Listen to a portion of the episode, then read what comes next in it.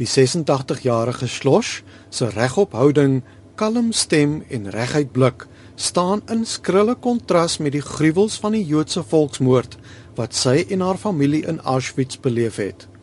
Haar lewe is so ineengestrengel met die van Anne Frank, die tiener wie se dagboek 'n klassieke werk oor die Holocaust geword het, dat Schloss dikwels Frank se stiefsuster genoem word.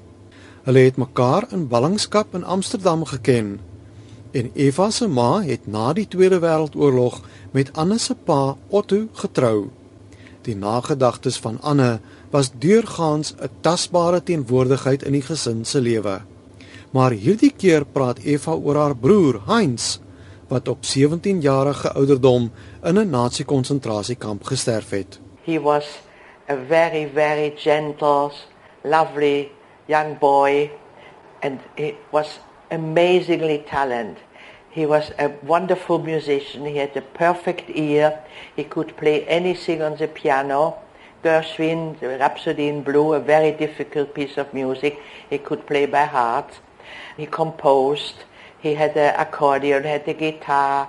Any instrument you give him, he could play. Die manier waarop Eva oor haar broer praat, laat jou onwillekeurig wonder of hy nie dalk net so beroemd soos Anne Frank sou gewees het as hy 'n dagboek gehou het nie. In die 2 jaar wat hy in 'n reeks skuilplekke in Amsterdam van die nasies weggekruip het, het Heinz homself leer skilder, tale geleer en 200 gedigte geskryf omdat hy nie langer musiek kon speel nie. Schloss vertel hoe moeilik dit was. I loved my mother dearly, but what can you talk to sitting there day in, day out. When the people were out at work, we had to just sit still. We had a table where we put our lunch. We had a potty next to us so that we just, because the houses were very lightly built, if we would walk around, neighbors might think burglars are there. So we had to sit still all the time. En toe, Nes Otto Frank se gesin word die Geiringers deur 'n verpleegster verraai en in hegtenis geneem. Dit was ondanks die feit dat Heinz en sy pa op 'n ander plek as Eva en haar ma weggekruip het.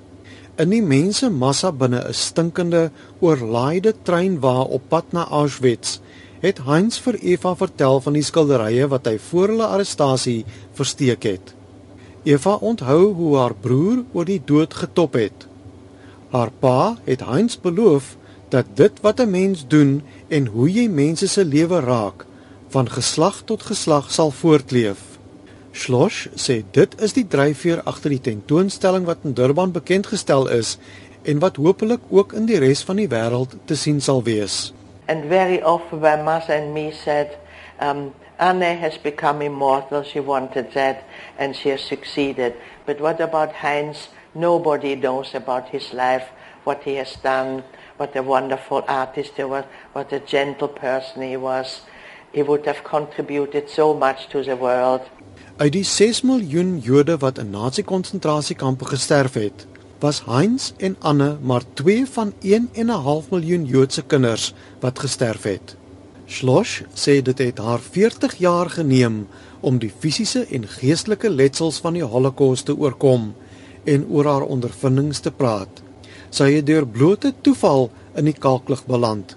Maar Schloss sê die praatjies wat sy die afgelope 30 jaar gelewer het, het die wonde van die verlede help genees. You know, if you were told as a young child you are not really deserve life, you should be killed and something stays, you know, you think well perhaps I'm not worth living and you get complexes.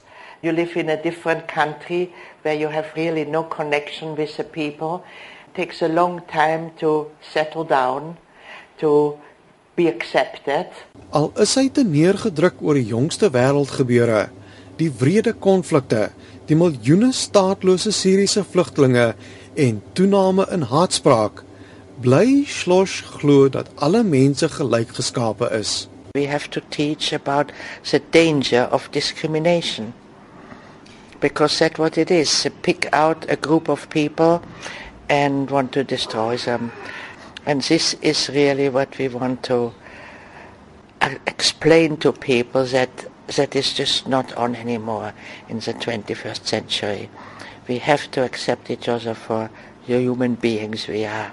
'n Woordvoerder van die KwaZulu-Natalse Joodse Raad, Alana Baranov, sê die verhaal van Schloss en haar gesin kan help om versoening in Suid-Afrika te bevorder. We've seen the racism debate rear its head in 2016. There's lots of issues around identity and our very troubled past, full of segregation. And I think we can learn so much from Holocaust survivors about transformation, about justice, reconciliation, forgiveness, all of that, which really applies here in South Africa and other parts of the world that are experiencing hate and intolerance. Op 86-jarige ouderdom is Slosh een van die krimpende getal Holocaust-oorlewendes wat jonger geslagte daaraan kan herinner dat sulke gruwels nooit weer moet gebeur nie. Sy het onlangs aan 'n projek in Kalifornië deelgeneem waar sy 1000 vrae beantwoord het in 'n holografiese opname vir die nageslag. Ek is Dries Liebenberg in Durban.